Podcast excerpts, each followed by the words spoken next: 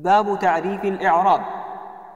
الإعراب تغيير أواخر الكلم تقديرا أو لفظا فذا الحد اغتنم. وذلك التغيير لاضطراب عوامل تدخل للإعراب. أقسامه أربعة تؤم رفع ونصب ثم خفض جزم.